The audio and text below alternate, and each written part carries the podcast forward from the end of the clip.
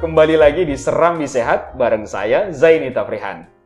Di sebelah kanan dan kiri saya sudah ditemani oleh Dr. Oci Halo. dan sebelah kiri saya ada Dr. Fitria Nurlaila. Halo. Nah.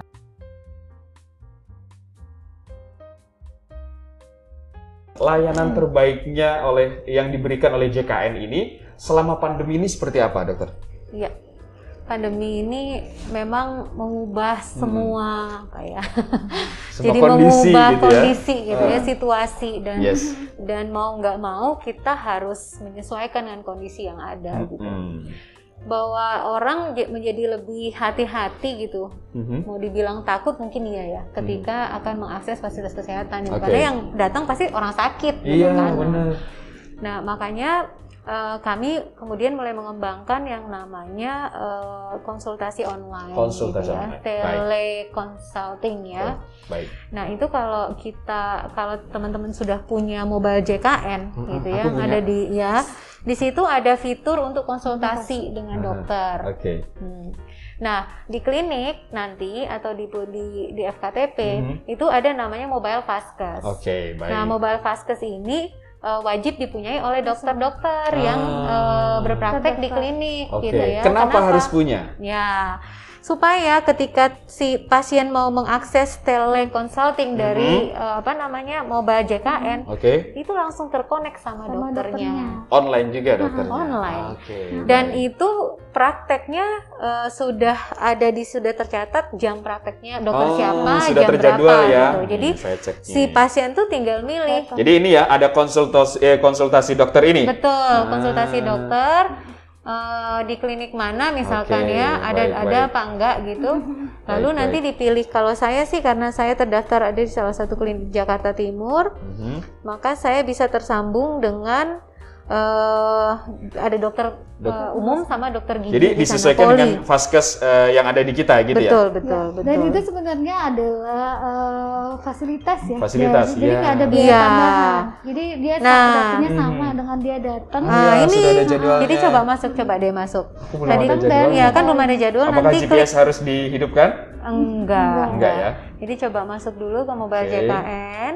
Nah, Oke, menarik ini nih teman-teman. tambah. Nah, Tambah. Iya, nanti ada pilihan dokternya barangkali. Belum ada. Lagi nih. nyari ya dia. Iya. Nah, kalau saya udah Sudah punya ada. nih, oh, Ah. jadi, Jadi bisa gini. milih dokternya. Jadi bisa chatting atau bisa Milih ini dulu. juga audio. Jadwalnya. Oh, jadwalnya Jadwal. dulu. Ah, mau poli umum, Oke. di, ada dokter Sri namanya dokter Miftah dan lain-lain gitu ya. Ah, Nanti oke. kita tinggal pilih gitu. Kita Oke. mau ke siapa gitu. Oke, jadi layanan ini adalah fasilitas, Fasilitas. ya? Jadi Fasilitas Betul. dari JKN. peserta JKN Mhm. boleh mengakses dan Ah, kan nggak bayar lah ya. konsultasinya pasti tentang kesehatan, nggak boleh konsultasi tentang investasi. Jangan.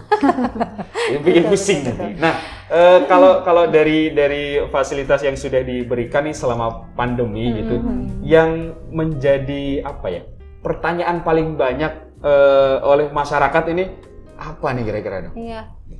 Eh, sebetulnya sih ya, eh, kenapa selama ini stigmanya Mhm. BPJS pasien BPJS kesehatan itu kok Nggak ini ya. nggak itu. ribet banget gitu ya, nah, gitu. itu bener. Karena nggak paham, Oke, nggak karena nggak paham alur gitu Oh, gitu kan. ya? Di alurnya. Ah, ah, lebih kepada alur yang Mhm. yang yang ya yang penting saya udah daftar gitu. Ah. Jadi dikira kan asuransi itu banyak ya Iya. gitu dan rata-rata asuransi itu tidak ada yang berjenjang gitu. Semua Hmm, sama. asu- asuransi swasta itu langsung mengakses rumah Rumah sakit. sakit. Jadi kalau sakit datang aja ke rumah sakit gitu Oh, yang sudah iya. ditentukan gitu. Sementara kan kalau jaminan kesehatan nasional ini memang suatu Enggak, ya, sistem yang dibuat oleh pemerintah gitu, oleh negara Hmm, gitu ya hmm. yang sudah Pasti. ada rambu-rambu di Oh, oke. dalamnya gitu diatur. Ada alur pelayanan yang harus di, Dilewati, ya. dilewati oleh Mhm. peserta. Sebetulnya sih mudah aja. Mereka kan FKTP-nya udah tahu nih. Udah tahu. Oh, Oke. Udah tahu di Tinggal mana. datengin ke Misal klinik. DD gitu ya. Mhm. Saya tinggal datang aja ke klinik DD Ah, gitu. oke.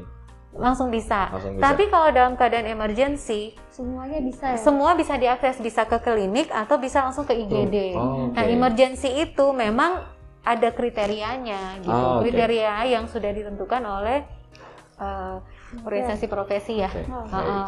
Jadi sudah ada ke- eh, kriterianya eh, Mhm. pasien mana sih yang yang bisa mengakses langsung ke IGD. Mhm. Tapi IGD itu terbuka, Terbuka. gitu. Oh, jadi tidak ada pasien eh, yang har- yang di- akan ditolak oleh IGD. Harusnya seperti itu ya. Mhm. Nah, eh, dan kadang-kadang kan yang jadi persoalan eh, dari peserta tuh panik gitu. Ah, Dalam kondisi iya. panik Iya. dia Benar. bingung ya. Aduh nanti Apalagi saya misalnya misalkan kecelakaan gitu ya, Nah, tiba-tiba aduh. Barangkali kalau kecelakaan kita tahu langsung bawa ke rumah Ah. sakit. gitu. Tapi kan kalau kita di rumah misalkan panas, demam Oh, gitu iya, ya, iya, atau iya, ada betul, batuk betul. gitu, jadi kayak yang ini saya ke mana nih Ah, gitu kan? Atau panas yang agak tinggi udah 39, Iya. 40 tuh kan udah kayak yang Mm-mm. udah panas banget lah ya. Iya, jadi iya, iya. itu yang membuat kita bingung itu mau ke mana. Ya, nah betul. sebenarnya dua-duanya bisa diakses gitu, Mhm. bisa ke FKTP, Baik. bisa juga ke IGD, IGD. dalam keadaan emergency.